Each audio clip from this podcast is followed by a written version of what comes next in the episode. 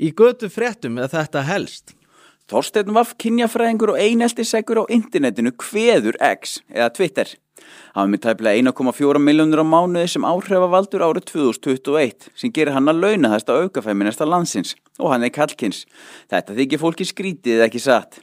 En tíundin eru stór. Þorstein Vaff postar á X-inu Ég farin með allt mitt vakinu sójastöf yfir í bláheiminn. Sjáum starf.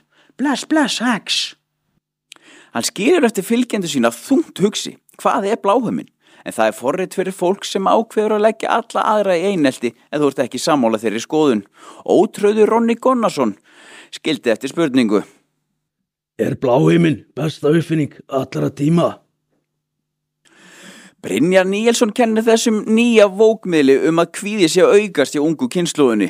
Á lóku fyrir Þorsteinni vörn og árás enda stóru og mikill íslensku kallmaður og segir Þeir sem setja nafn sitt við draslis og götustráka mega algjörlega fokka sér og að halda með þessari tengingu sé ekki afstæða er væga sagt. Trillt ignorans! Sem talsmaður réttlætis og kærleiks er menn vonsveiknur út í Þorstein þar sem hann kýli niður enn og aftur. En á grúpunum fyndni frændur á Facebook má sjá við 30 kommentir steina eins og Eru svona skrif lögleg? Þarf þess ekkert að taka ábyrð á því sem hann skrifar? Þetta fólk kallar aðra svo fasista. Þetta er mitt kjú á að kaupa áskrifti á gödustrákum og pítsu í kvöld. Þóli ekki svona forræðishyggju, stjórnun. Þessi aðferðafræði er ofbeldi samkvæmt kanselkvöldinu en af því að þeim finnst sín aðferðafræði svo rétt þá er hún í lagi og réttlátt. Galin, afneitt. Það er nefnilega það. En Steinu hans kvöldhópur verður alltaf á móti gödustrákum. Af hverju? Er það út að verum með hreina sagaskrá?